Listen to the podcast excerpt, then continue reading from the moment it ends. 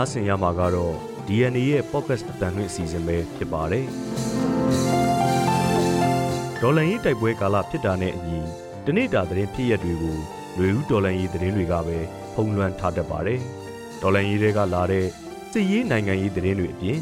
တနေ့တာသတင်းဖြစ်ရက်တွေတဲ့တခြားစိတ်ဝင်စားစရာလူမှုစီးပွားဘဝသတင်းတွေလည်းရှိနေတတ်ပါတယ်။ဒီကနေ့မေလ၄ရက်နေ့မှာရရှိထားတဲ့တနေ့တာသတင်းဖြစ်ရက်တွေကသတင်းတချို့ကို DNA ရဲ့ podcast အတန်လွင့်အစီအစဉ်မှာစူးစီးဖော်ပြပေးလိုက်ပါတယ်။ဒီအစီအစဉ်ကိုတော့ကျွန်တော်မောင်သိန်းနဲ့အတူကျမနန်းခမ်းကစူစီတင်ဆက်ပေးသွားမှာပါ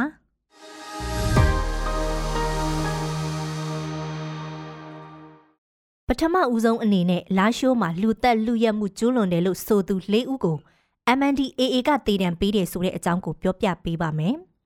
ရှမ်းပြည်နယ်လာရှိုးမြို့နဲ့အနီးတဝိုက်မှာ လူ9ဦးတပ်ဖြတ်ခဲ့ပြီးလူရက်တမ ्या တိုက်ပြန်ပေးဆွဲမှု25မှုအထိကျူးလွန်ခဲ့တဲ့စစ်ကောင်စီလက်အောက်ခံပြည်သူစစ်အဖွဲ့ဝင်တဦးအပါအဝင်၄ဦးကိုတေတံချမှတ်ခဲ့တယ်လို့ကိုကန့်လက်နက်ကင်တက် MNDAA ကဒီကနေ့မှထုတ်ပြန်ပါတယ်။တေတံချမှတ်ခံရသူတွေဟာအသက်18နှစ်ကနေ29နှစ်အရွယ်အထိပါဝင်တဲ့တရုတ်လူမျိုးအမျိုးသားတွေဖြစ်တယ်လို့သိရပါတယ်။အဲ့ဒီ၄ဦးဟာနောက်ထပ်ဖမ်းမမိသေးတဲ့လူတွေနဲ့အတူပြန်ပေးဆွဲမှုတမျှတိုက်မှု လူရမှုတွေကျူးလွန်ခဲ့ပြီးတရုတ်နိုင်ငံသားတဦးနဲ့မြန်မာနိုင်ငံသားစုစုပေါင်း၈ဦးကိုတပ်ဖြတ်ခဲ့တယ်လို့ MNDAA ထုတ်ပြန်ချက်မှာဖော်ပြထားပါတယ်။လူရက်သူတွေဟာစုစုပေါင်းအမှု25မှုကနေတရုတ်ငွေယွမ်9တန်းနီးပါးမြန်မာငွေ9ဘီလီယံကျော်တန်မိုးကြီးအိမ်စီးက6စီးလက်စွပ်နှကွင်းတို့ကိုလူရက်ဓမြတိုက်ခဲ့တယ်လို့ဆိုပါတယ်။အဲ့ဒီအမှုတွေကိုကျူးလွန်ရမှာပါဝင်သူတွေကို အခုနှစ်ဖေဖော်ဝါရီလနောက်ဆုံးပတ်ကနေမတ်လလေအထိကာလအတွင်းလိုက်လံဖမ်းဆီးခဲ့တာလို့ဆိုပါတယ်။ဖမ်းမိသူ၄ဦးကအဲ့ဒီအမှုတွေကိုအတိကတရက်ခန့်အဖြစ်ပါဝင်ကျူးလွန်ခဲ့ကြောင်းဝန်ခံခဲ့ပြီးငွေကြေးပစ္စည်းတွေကိုလည်းတင်စီနိုင်ခဲ့တယ်လို့ MNDAA ထုတ်ပြန်ချက်မှာဖော်ပြထားပါတယ်။ဖမ်းဆီးရမိထားသူ၄ဦးအပေါ် MNDAA အုပ်ချုပ်ရေးအဖွဲ့ယာယီတရားရုံးကစီရင်ချက်ချတဲ့အစည်းအဝေးကိုမူပန်းခရိုင်တနေရာမှာမေလ၁ရက်ကပြုလုပ်ခဲ့တာဖြစ်တယ်လို့သိရပါတယ်။ အဲ့ဒီအစည်းအဝေးကို MNDAA တပ်ဖွဲ့တွေမဟာမိတ်တပ်ဖွဲ့နဲ့ဒေသခံအရက်သားတွေအပါအဝင်စုစုပေါင်းလူ200ကျော်တက်ရောက်ခဲ့တယ်လို့လည်းထုတ်ပြန်ချက်မှာဖော်ပြထားပါတယ်။2021ခုနှစ်မှာစစ်အာဏာသိမ်းပြီးတဲ့နောက်နိုင်ငံတော်ဝန်မှာရာဇဝတ်မှုတွေမြင့်တက်လာပြီးရှမ်းပြည်နယ်မြောက်ပိုင်းလာရှိုးနယ်မူဆယ်ဒေသတွေမှာလည်းအုပ်စုဖွဲ့ရာဇဝတ်မှုတွေစနစ်တကျကျူးလွန်တဲ့ရာဇဝတ်မှုတွေဟာမထူးဆန်းတော့တဲ့အထိဖြစ်နေတယ်လို့ MNDAA ကဆိုပါတယ်။အခုလိုဖမ်းဆီးတရားစီရင်မှုတွေလုပ်ပြီးတဲ့နောက် ရာဇဝတ်မှုကျူးလွန်သူတွေထွက်ပြေးကြတဲ့အခြေအနေရှိပေမဲ့တရခံပြေးတွေကိုဆက်လက်ဖမ်းဆီးပြီးမှုခင်းတွေကိုနှိမ်နှင်းသွားမယ်လို့လည်းဖော်ပြထားပါတယ်ဒုတိယသတင်းတစ်ပုဒ်အနေနဲ့ကမ္ဘာသတင်းလွတ်လပ်ခွင့်မရှိဆုံးရှစ်နိုင်ငံနဲ့မြန်မာနိုင်ငံပါဝင်တဲ့သတင်းကိုပြောပြပေးပါမယ်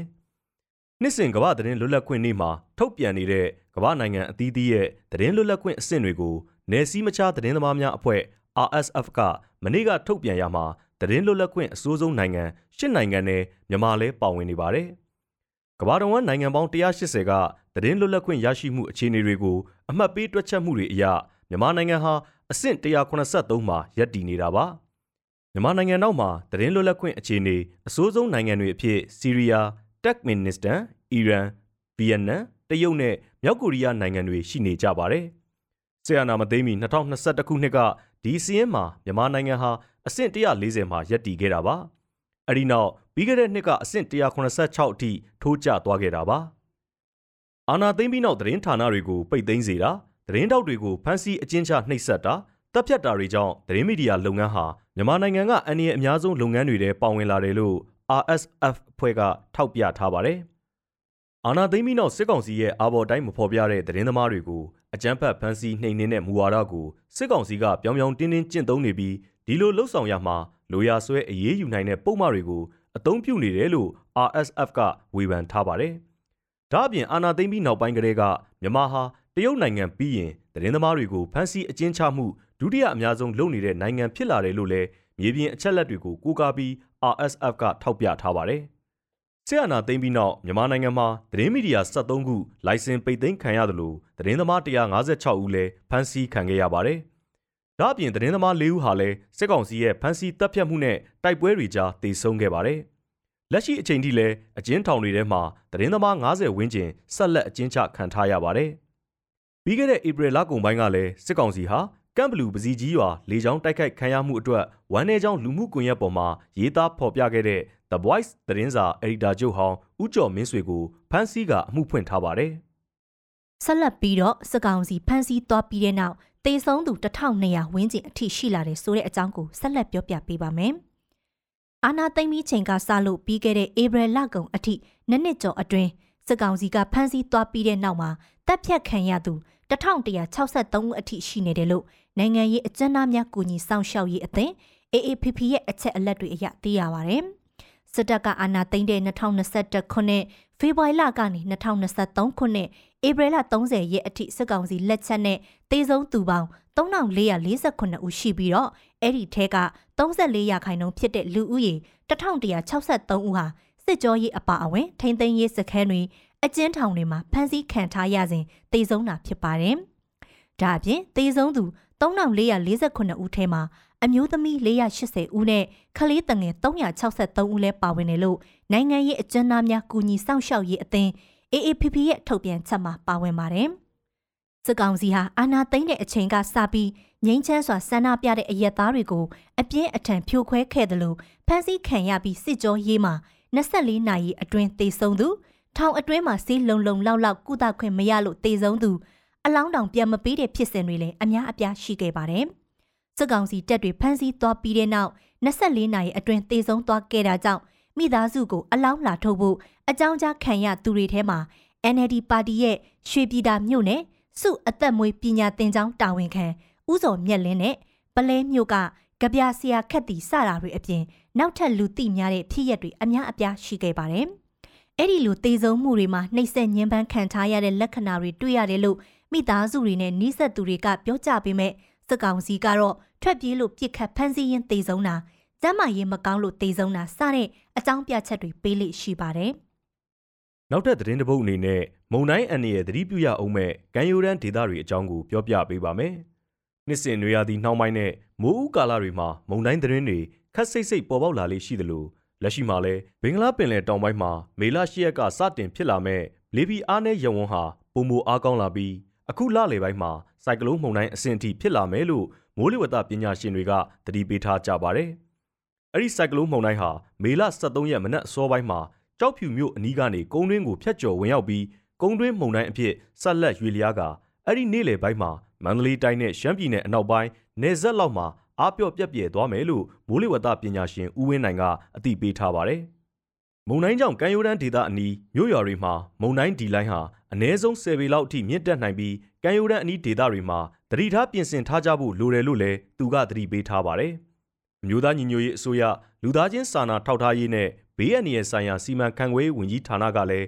မေလ9ရက်ဝန်းကျင်မှာစဖြစ်လာမဲ့လေပြင်းနဲ့ရဝန်းဟာမေလ10ရက်ကိုကိုကျွန်းအနောက်တောင်ဘက်မှာမုန်တိုင်းအဆင့်ရောက်ရှိနိုင်တယ်လို့ထုတ်ပြန်အသိပေးထားပါတယ်။အဲ့ဒီမုန်တိုင်းဟာမေလ17ရက်မှာအရှေ့မြောက်ဘက်ကိုဆက်လက်ဦးတည်နိုင်ပြီးနောက်တစ်ရက်မှာတော့မြန်မာနဲ့ဘင်္ဂလားဒေ့ရှ်နိုင်ငံကြားစစ်တကောင်းမြို့အနီးကနေကမ်းခြေကိုဖျက်ကျော်ဝင်ရောက်နိုင်တယ်လို့ဆိုပါတယ်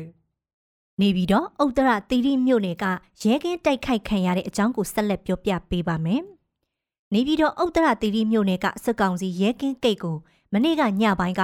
ဘုံတနက်တွေနဲ့ပြစ်ခတ်တိုက်ခိုက်ခဲ့တာကြောင့်ထိခိုက်သေးဆုံးမှုတွေရှိတယ်လို့စစ်တောင်းမြို့ပြပျောက်ကြားအဖွဲ့နေပြီးတော့ပြန်ကြားရေးတာဝန်ခံဘိုထရကွန်က DNA ကိုပြောပါတယ်။မနေ့ကည9နာရီကျော်လောက်မှာဥဒရတီရီမြို့နယ်ဇဝနတိတ်တိရက်ကွက်ဘူဒါမီးပွိုင်ကအင်အား10ဦးလောက်ရှိတဲ့လုံခြုံရေးရဲဂိတ်တိုက်ခိုက်ခံခဲ့ရတာပါ။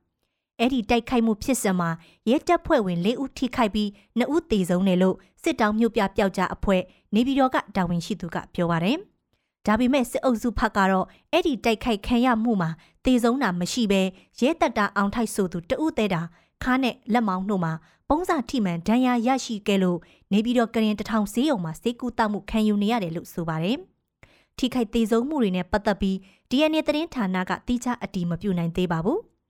ရဲကင်းစခန်းကိုတိတိမှန်နိုင်လမ်းမကြီးဖက်ကနေဆိုင်ကယ်စီးနှင်းလာတဲ့ PDF နှစ်ဦးကလက်ပစ်ပုံးတစ်လုံးနဲ့ကနအုပ်ပစ်ခတ်ခဲ့ပြီးတော့ဘီစတိုနဲ့တစ်ချက်ထပ်မံပစ်ခတ်ခဲ့က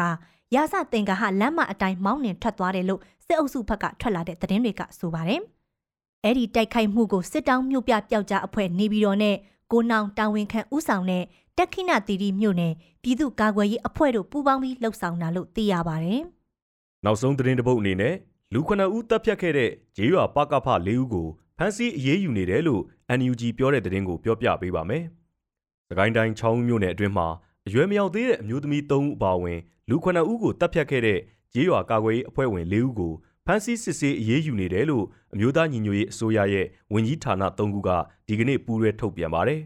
။ချောင်းမြို့နယ်အတွင်းကအမည်ဖော်ပြမထားတဲ့ရွာတရွာကိုပြီးခဲ့တဲ့နှစ်ဩဂတ်လအတွင်းရောက်လာတဲ့အမျိုးသမီး၃ဦးနဲ့အမျိုးသား၄ဦး စုစုပေါင်း9ဦးကိုအဲ့ဒီရွာကပြည်သူ့ကာကွယ်ရေးအဖွဲ့တာဝန်ခံတဲ့အဖွဲ့ကဖမ်းဆီးစစ်ဆေးခဲ့တယ်လို့သိရပါဗျ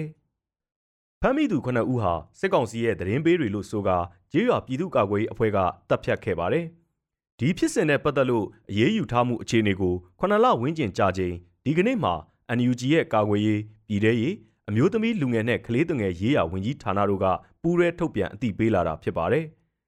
လူ9ဦးကိုဥပဒေမဲ့တပ်ဖြတ်မှုကျူးလွန်ခဲ့တဲ့ကျေးရွာကာကွယ်ရေးအဖွဲ့တာဝန်ခံအပါအဝင်၄ဦးကိုတပ်ဖြတ်မှုဖြစ်ပြီးနောက်ချက်ချင်းဖမ်းဆီးထိန်းသိမ်းခဲ့ပြီးလိုအပ်တဲ့စစ်ဆေးမှုတွေလုပ်ခဲ့တယ်လို့အဲ့ဒီဝန်ကြီးဌာနတွေကဆိုပါတယ်။ကျူးလွန်သူတွေကိုလည်းအရေးယူနိုင်မှုစစ်ဆေးမှုတွေဆက်လုပ်နေတယ်လို့လည်းဖော်ပြထားပါတယ်။အဲ့ဒီဖြစ်စဉ်နဲ့ပတ်သက်လို့မြန်မာနောင်သတင်းဌာနကဒေတာကန်တွေနဲ့ချောင်းဦးမြို့နယ်ပြည်သူ့ကာကွယ်ရေးတပ်ဖွဲ့ခေါင်းဆောင်တို့ကိုကိုးကားပြီးမနေ့ကမှသတင်းဖော်ပြထားတာဖြစ်ပါတယ်။ အဲ့ဒီသတင်းမှာတော့ပြစ်မှုကျူးလွန်ထားသူတွေကိုခုနှစ်လကြာတဲ့အထိအရေးမယူနိုင်သေးသလိုဖမ်းဆီးချုပ်နှောင်ထားတယ်လို့ဆိုပေမဲ့ကျူးလွန်သူတွေဟာလက်နက်ဆက်ကင်ပြီးလွတ်လွတ်လပ်လပ်သွာလာခွင့်ရနေတယ်လို့ဖော်ပြထားပါတယ်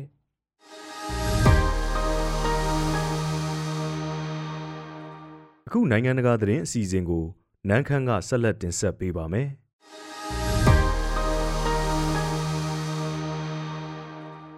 မ္မတဗလာဒီမာပူတင်ကိုယူကရိန်းက drone တွေအသုံးပြုပြီးလှုပ်ကြံမှုစ조사ခဲ့ကြောင်းရုရှားရဲ့ဆွဆွဲချက်တွေကိုယူကရိန်းအစိုးရကညှင်းဆိုသွားပါတယ်။မေလ3ရက်ညပိုင်းကမော်စကိုမြို့တော်မှာရှိတဲ့ကလင်မလင်နန်းတော်ဟာဖောက်ခွဲရေး drone တွေနဲ့တိုက်ခိုက်မှုနှစ်ကြိမ်ခန်းစားခဲ့ရကြောင်းရုရှားကထုတ်ပြန်ပြီးယူကရိန်းဟာပူတင်ကိုလှုပ်ကြံမှုအားထုတ်ခဲ့တာလို့ပါဆွဆွဲသွားပါတယ်။ဒါပေမဲ့ဖင်လန်နိုင်ငံကိုရောက်ရှိနေတဲ့ယူကရိန်းသမ္မတဗိုလိုဒီမာဇလန်စကီကတော့ကလင်မလင်နန်းတော်ရဲ့ဆွဆွဲချက်ကိုညှင်းဆိုသွားပါတယ်။ ယူကရိန်းဟာမော်စကိုမှာပူတင်ကိုတိုက်ခိုက်မှာမဟုတ်ကြောင်းယူကရိန်းဟာကိုယ်နိုင်ငံအတွက်ပဲတိုက်ပွဲဝင်မှာဖြစ်ကြောင်းကိုမြို့ရွာတွေကိုပဲကာကွယ်ဖို့ရည်ရွယ်ထားကြောင်းဇလန်စကီကပြောကြားသွားပါတယ်။ရုရှားသမ္မတယုံကမော်စကိုမှာ drone နှစ်စီးကိုကြားဖြတ်ပစ်ချခဲ့ရကြောင်းပြောကြားခဲ့ပါတယ်။ရုရှားမီဒီယာတချို့ကလည်းနောက်ထပ် drone တစ်စီးပြန်ဝဲနေတာတွေ့ခဲ့ကြောင်းနဲ့မော်စကိုကအစိုးရအဆောက်အအုံတချို့မှာ drone တွေကိုပစ်ချတဲ့လက်နက်တွေအသင့်ပြင်နေကြောင်းဖော်ပြကြပါတယ်။ online ပေါ်မှာပြန့်နှံ့နေတဲ့ဗီဒီယိုတစ်ခုမှာ ကလင်မလင်နန်းတော်ဝင်းထဲကနေမိခိုးတွေဥထွက်နေတာကိုတွေ့ရတယ်လို့နောက်ထပ်ဗီဒီယိုတစ်ခုမှာတော့ရုရှားရဲ့လွတ်တော်အမိုးကို drone တစ်စီးကဝင်တိုက်လို့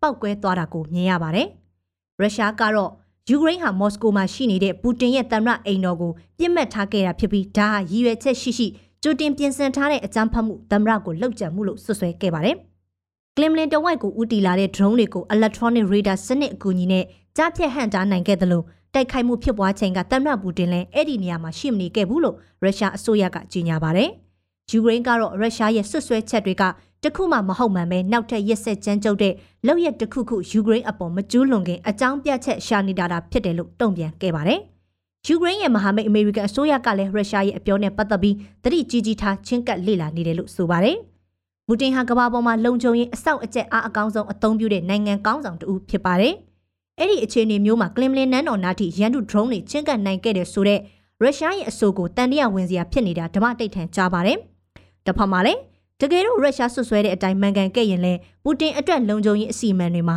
လက်ဟာမှုတွေရှိနေသလားဆိုတာကိုပြန်လည်စမ်းစစ်ရမယ့်သဘောပါပဲ။နောက်ထပ်ပြဿနာတစ်ခုကတော့ရုရှားရဲ့လေကြောင်းကာကွယ်ရေးစွမ်းရည်ဖြစ်ပြီးမကြာသေးခင်လပိုင်းတွေအတွင်းမော်စကိုကအချက်အချာကျတဲ့အဆောက်အအုံတွေမှာလေကြောင်းပစ်လက်နက်တွေတပ်ဆင်ထားလျက်နဲ့ အဲ့ဒီ drone တွေကဘလို့ကြော်ဖြတ်ပြီး Glimlin နန်းတော်ထိရောက်လာတယ်လဲဆိုတာကိုလေ့လာသူတွေကမေးခွန်းထုတ်နေကြပါတယ်။ drone တွေကိုရုရှားကစေလွတ်ခဲ့ရုံမှန်ရင်မော်စကိုရောက်တဲ့အထိရုရှားပိုင်နက်ကိုအနည်းဆုံးကီလိုမီတာ450လောက်ဖြတ်ပြန်ခဲ့ရမှာဖြစ်ပါတယ်။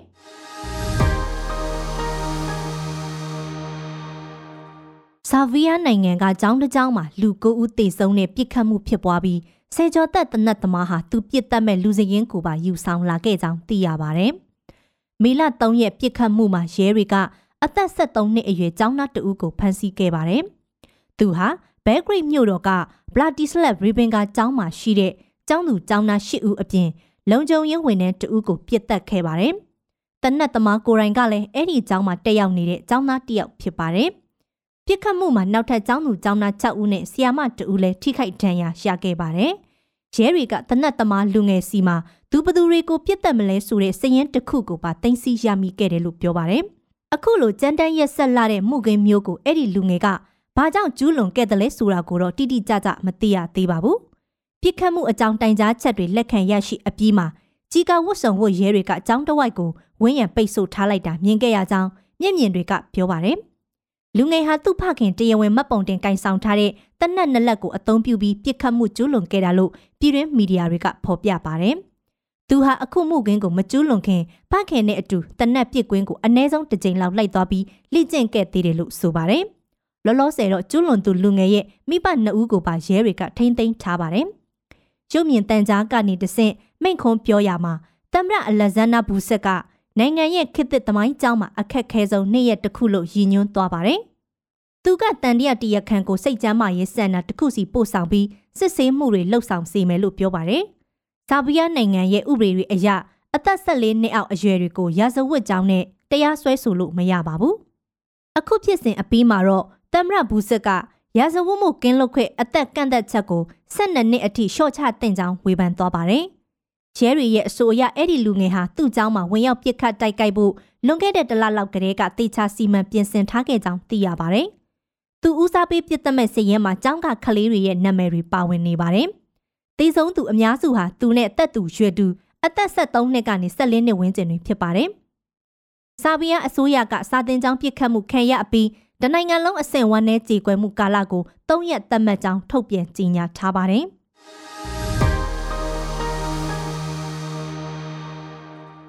ဆက်လက်ပြီးစာရေးဆရာလင်းခါကသူ့ရဲ့အစေးတစ်ပုဒ်ကိုကိုယ်တိုင်ဖတ်ပြပေးထားပါတယ်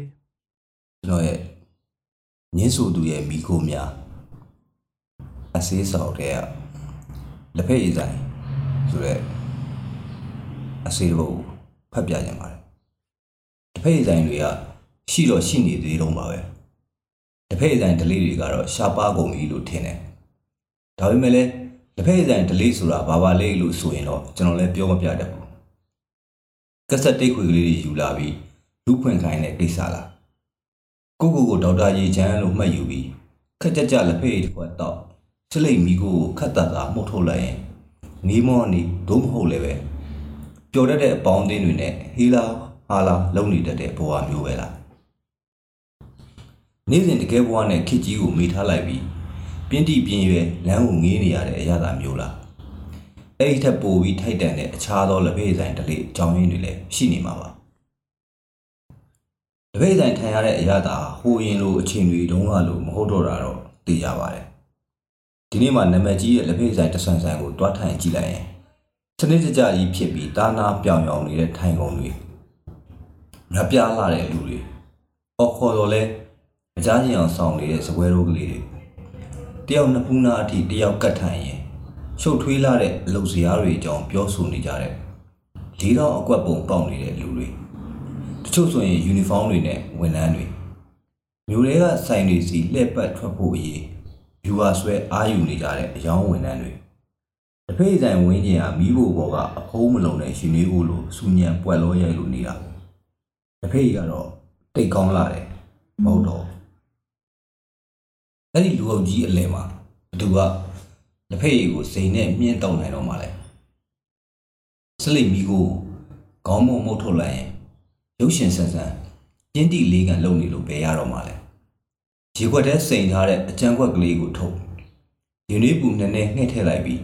ဘေးကိုဘလို့လို့တွန်ထုတ်ပစ်လိုက်လို့ရမှာလဲခုံကိုလက်စင်းနဲ့ခောက်ရင်ချင်းတန်ကိုဘလို့လို့စီးကျက်လိုက်လို့ရမှာလဲတချင်းတန်တွေကိုပျောက်ဆုံးသွားတာထိတ်ဆုံးကဝိုင်းမှာထိုင်ရင်လမ်းကဖြတ်သွားတဲ့အပြူမာလေးတွေကိုဘယ်လိုငီးလို့ရတော့မှာလဲ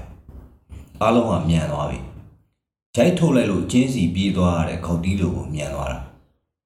အရင်တော့ကတော့ကောင်မလေးတွေကိုယ်တိုင်ကလက်ဖက်ဆိုင်ရှိကနေဖျက်လျှောက်သွားရတာကိုရှုလို့ရှန်တဲ့ဖြစ်ဘလို့ပဲစိတ်ကတိကောက်ဖြစ်ပင်ပန်းလာပါတယ်ဆူဆူတနေ့တစ်ချိန်လောက်တော့လက်ဖက်ဆိုင်ရှိဖျက်လျှောက်ခြင်းစိတ်ကလေးရှိကြမယ်လို့ထင်တယ်အခုတော့အဲ့ဒါတွေကဒဏ္ဍာကြီးအလားပဲဖေပြမနေမနာပဲတထက်ထက်နဲ့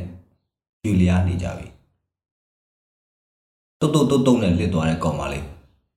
လမ်းလျှောက်ပုံကိုတော့ဂယူးမဆိုင်နိုင်တော့အောင်ဘဝဝင်ပြီနေပြီနဲ့တူပါရဲ့ အငေးသမားတွေရဲ့အနေခစ်ကြီးကလည်းမုတ်ချကုန်ပြီနဲ့တူပါတယ်ခုဆိုရင်ညနေခင်းမှာလက်ဖက်ရည်တောက်ချင်တဲ့အခါစိုင်ထိုင်မှုဒါမှမဟုတ်လဲပါဆယ်ဝယ်ဖို့အတွက်တမိုင်ကြော်ကြော်လောက်ဝေးတဲ့လက်ဖက်ရည်ဆိုင်ကိုတွားရတယ်ဆိုင်ကလေးရှိနေလို့ပဲ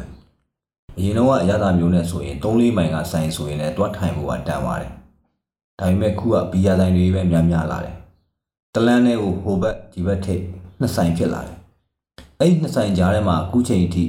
ဒဗလင်း200 300နဲ့ရောင်းနေသေးတဲ့အရက်ဖြူဆိုင်ကလေးတွေကလည်းရှိနေသေးတယ်ညနေနေကြချိန်ကစလို့ဆိုင်တိုင်းလဲလူစီကားမြေလက်ဖက်ဆိုင်တွေကတော့ညနေခင်းဆိုရင်6 6တွေ့တွေ့လက်ဖက်ရည်ကလည်းကြဲကြဲတောက်တောက်သို့တော်လည်းပြန်ကြားရက်ွက်ကလေးတွေမှာရှိတဲ့လက်ဖက်ဆိုင်ကလေးတွေမှာတော့ညနေခင်းညခင်းတိုင်းလူစီမြဲဒါပေမဲ့အဲ့ဒီစီကားကြီးကရုပ်ဆိုးတယ်ဗျာဆိုင်ထဲကလူတိုင်းရဲ့မျက်လုံးကဖုန်းစခရင်ပေါ်မှာ တချို့လူငယ်ကလေးတွေဆိုရင်အုပ်စုလိုက်တဝိုင်းနဲ့ထိုင်လို့နဝက်ချိတ်ပြီးဆဲဆိုဂိမ်းစော်နေကြတာဆိုင်လေးရတာဝါထရန်တုံမှုချက်ခိုးအပြည့်နဲ့ Wi-Fi free ဝင်ဆောင်မှုမထားလို့တော့မရဘူးအဲ့ဒီဂိမ်းစော်တဲ့လူငယ်ကလေးတွေကိုဆွဲဆောင်နိုင်တာလက်ဖက်ရည်ရတာမဟုတ် Wi-Fi ပဲလေအဲ့ဒီလူငယ်ကလေးတွေအတွက်ကြီးတဲ့ဒါမှမဟုတ်လူလက်လူကြီးများကြပြန်တော့လေသူတို့ကိုယ်တိုင်တစ်ချိန်ကလက်ဖက်ရည်ဆိုင်ခစ်ကောင်းကြီးဆိုတာကိုမိခဲ့ပါရဲ့နဲ့မိပြည့်ရနိုင်တယ်ဗျာ TV ဖန်ပြားပေါ်ကဘောလုံးဝဲနဲ့အတူအော်ဟစ်ခက်ကြမ်းကြမ်းအရှင်ကားနဲ့အတူစီးမျောလို့သာနေပါတယ်အရှင်ကားတွေကကားတန်ဘုံပေါက်ကွဲတန်စက်တနက်ပစ်တန်တွေနဲ့အုပ်အုပ်ကြက်ကြက်ဆူညံတန်တွေကတော့ဗန်းဖြေနီးတစ်ခုလို့တော့ခေါ်ဖို့ခက်လာပါသေးတယ်ဒါပေမဲ့ဒါတွေကယနေ့ခေတ်လက်ဖက်ဆိုင်တွေရဲ့တရုတ်အမှန်ဖြစ်သွားပါပြီလက်ဖက်ဆိုင်အစ်စ်တွေပေါ်လာနေမြဲပဲဆိုပေမဲ့လက်ဖက်ဆိုင်ထိုင်ခြင်းရဲ့အဓိပ္ပာယ်ကပြောင်းလဲသွားတော့လက်ဖက်ဆိုင်တွေရဲ့ ပုံစံတွေကလည်းပြောင်းလဲကုန်တာပဲလူဖွဲ့စည်းရဲ့အတွင်းစိတ်ဓာတ်ကရုပ်ကဘာရဲ့အတွင်းသဏ္ဍာန်ကိုပြဋ္ဌာန်းမြဲပဲမဟုတ်လားကျွန်တော်ကတော်တော်ငယ်သေးတဲ့အရွယ်ကလေးကလက်ဖက်ဆိုင်ထိုင်တဲ့အကျင့်ရခဲ့သူမို့လက်ဖက်ဆိုင်တွေရဲ့ခေကောင်းကြီးတစ်ခေတ်ကိုကောင်းကောင်းမိလိုက်သေးတော့လေလွမ်းစရာမရှိရှာကြံလွမ်းတာပေါ့ဗျာလက်ဖက်ရည်တစ်ခွက်9ချက်ခေတ်ကနေယနေ့မှလက်ဖက်ရည်တစ်ခွက်900ချက်ဖြစ်သည့်အထိ20ကျော်သောလက်ဖက်ရည်ဆိုင်နှစ်များကိုဖျက်ဆီးခဲ့ရသူအဖို့တရုတ်ဆိုင်ဆရာကြီးလောရှိရဲ့လက်ဖက်ရည်ဆိုင်ပြဆက်လို့ ဆရာမြတ်တန်းတင်ရဲ့လက်ဖက်ရည်ဆိုင်အစည်းလို့မဟုတ်တော့တောမရောက်တောင်မရောက်မဖြစ်ညစ်ကျစာကလေးတစ်ပုဒ်တော့ရေးလိုက်ချင်တာကစက်တိတ်ခွေကလေးတွေယူယူလာဆိုင်ရှင်ကိုဖွင့်ဖွင့်ခိုင်းပြီးမိမ့်မိမ့်နေတတ်တဲ့ကိုထက်ကြီးရဲ့အကိုကြီးတွေကိုငင်းရင်အဲ့ဒီဘဲကြီးတွေလိုမျိုး secret ကိုလက်ညှိုးနဲ့လက်ကလေးကြဟန်ပါပါညက်ဆေးဘောလေးအစ်စ်ရဲ့ဖင်ကိုဇွဲခုံနဲ့စီးသားကြက်အောင်တတော်တော်ခောက်မိကိုလမ်းမပိတ်အောင်ဖင်အစီကန်ကြားကအမုံမွားတွေကင်းစင်အောင်လုပ်နေ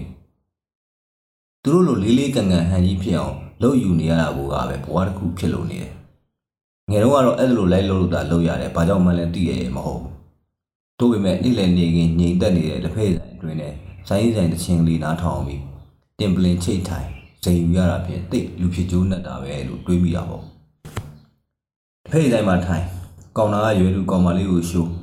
ဖွင့်ထားတဲ့ချင်းလိုက်ကိုသူမအတွက်ရည်စူးပါတယ်ဆိုတဲ့အကြောင်းအတန်မထွက်အောင်နှကန်းလုံယုံလိုက်ဆိုရင် ဖွန်ကြောင်ရတာတိတ်ရောမန်တီကဆန်လာပြီပဲကောင်နာကကောင်မလေးကလည်းသူ့ကိုခံစားပြနေကြည်နေမှန်းသိပါရဲ့ကြီးနဲ့မသိချင်အောင်လေးစောင်းကောင်းလေးဆောင်လို့စပင်းတွေခဏခဏတက်တင်စိတ်ကူးရင်နေတာလို့လို့အိမ်တွေကြီးနေတာလို့လို့အိုးဝေးကြီးကလမ်းပေါ်ကိုငေးတယ်လို့လို့ ਨੇ ချိန်လုံးပဲများနေတာပါပဲကျွန်တော်ဘဝမှာလက်ဖက်ဆိုင်နဲ့ဆိုင်ကကောင်းတာထိုင်တဲ့ကောင်မလေးနှစ်ယောက်ကိုလက်ဖက်ဆိုင်ထိုင်ရင်အဲ့ဒါလို့တွတ်တွားငန်းခဲ့ဘူးပါတယ်ဒါပေမဲ့လည်းငန်းတဲ့အဆင့်ပါပဲဘ ယ်တော့မှလည်းရှေ့ဆက်တိုးဖို့မစဉ်းစားခဲ့ဘူးအဲ့ဒီပိုင်းကျကျွန်တော်ကမစုံဘူးလို့ပြောရမယ်ဝမ်းနေစရာပါဗျာရုပ်ရှင်တွေကလို့တနေ့နေ့တော့တနေရာမှာခုံးရင်တိုက်သူ့လက်ထဲကစောက်တွေလွတ်ကြအထူးထူးကုန်းကောက်ကြရင်နှစ်ဖူးချင်းတိုက်နှစ်ယောက်စလုံးဖင်ထိုင်လဲကျွန်တော်ကတိတ်အားနာတိတ်ဝမ်းတယ်တိတ်ယောက်ျားပီတာတဲ့ဟန်မျိုးနဲ့ကျွန်တော်တောင်းပန်ပါတယ်ဗျာလို့ပြောသူမကဟုတ်ရပါတယ်ရှင်မတော်လို့ဖြစ်တာပဲလို့ ပြုံးစစ်စစ်ရှက်ကိုရှက်ကန်းနဲ့ပြန်ပြောတယောက်နဲ့တယောက်နာမည်တွေမိတ်ဆက်ပြီးတော့တိတ်မကြခင်မှာပဲရီးသားတွေဖြစ်ကုန်ကြမယ်လို့လက်ဖက်ဆိုင်မှာထိုင်ကောင်နာကကောင်မလေးကိုငေးထိုင်ထိုင်တွေးရင်းနဲ့အချိန်ကုန်သွားတာပဲကျွန်တော်ကိုယ်တိုင်လည်းတိတ်စိတ်ကူးရင်နဲ့ကောင်းပြုံအဲ့ဒီလိုစိတ်ကူးရင်ရင်းနဲ့ပဲကျွန်တော်ငယ်ဘွားတစ်ခုလုံးနဲ့တစ်ဖက်ဆိုင်ခေကြီးကကုံမမသိကုံသွားခဲ့တယ်ထင်ပါတယ်အခုတော့အဲ့ဒီခေကြီးမရှိတော့ပါဘူးဗျာတစ်ဖက်ဆိုင်ကောင်လာတွေမှာလည်းငငယ်ချောချောကောင်မလေးတွေမထိုင်ကြတော့ တချင်းကြီးတက်တက်အေးအေးငိမ့်ငိမ့်ကလေးဖွင့်တဲ့လက်ဖက်ဆိုင်တွေလည်းမရှိတော့ဘူးခွေးချေကုံကလေးတွေဝမ်းဖွဲ့ထားတဲ့ခက်ညစ်ညစ်ဇပွဲပုတ်ကလေးတွေမရှိတော့ဘူးနှုတ်တီးကော့ကော့ရှိရှိဒဏ်နဲ့လှုပ်ထားတဲ့ရေနွေးကြရောလေးတွေလည်းမရှိတော့ဘူးဒါပေမဲ့လက်ဖက်ဆိုင်မှာထိုင်ဖက်ကြမ်းကလေးဖွာလို့တောင်ငေးတွေးမြောင်ငေးတွေးလှုပ်ချင်တဲ့ကျွန်တော်အကျင့်လေးရရှိနေတော့မယ်ကျွန်တော်တို့အဲ့ဒီလက်ဖက်ဆိုင်တလေးလေးတွေကိုလွမ်းနေမဲ့လူတွေလည်းအများကြီးရှိနေမှသိကြပါတယ်အထူးသဖြင့်ကျွန်တော်တို့မျိုးဆက်ရဲ့ရှေ့ကဘီကျဲတွေပေါ့သူ တို့ခင်ဗျားလည်းကျွန်တော်လူမျိုးပဲဘယ်မျိုးကိုရောက်ရောက်ဘယ်မျိုးမှာအခြေချရချရမျိုးရဲ့တနေရာစိတ်ငြိမ်ရုံကဖေးဆိုင်လေးတွေများရှိနေလေအောင်မလားလို့လိုက်လိုက်ရှာမိကြမယ်ထင်ပါတယ်ပိတ်လောင်မွန်းကျက်ခဲ့တဲ့ခကြီးကိုဘလို့ပဲမုန်းခဲ့တယ်ဆိုဆိုထိုခင်များတဲ့က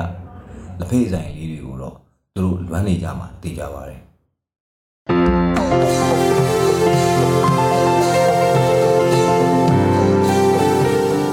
DNA ရဲ့ podcast အတန်လွင့်အစီအစဉ်ကိုအပတ်စဉ်တင်းလာနေကနေတောက်ကြနေည9:00နာရီတိုင်းမှာတင်ဆက်ပေးသွားမှာပဲဖြစ်ပါတယ်။ဒီအစီအစဉ်ကိုတော့ DNA ရဲ့ Facebook Page ကနေအပြင် Anchor, Spotify နဲ့ Google Podcast တို့တွေကနေတဆင့်လဲနားဆင်နိုင်ပါတယ်ခင်ဗျာ။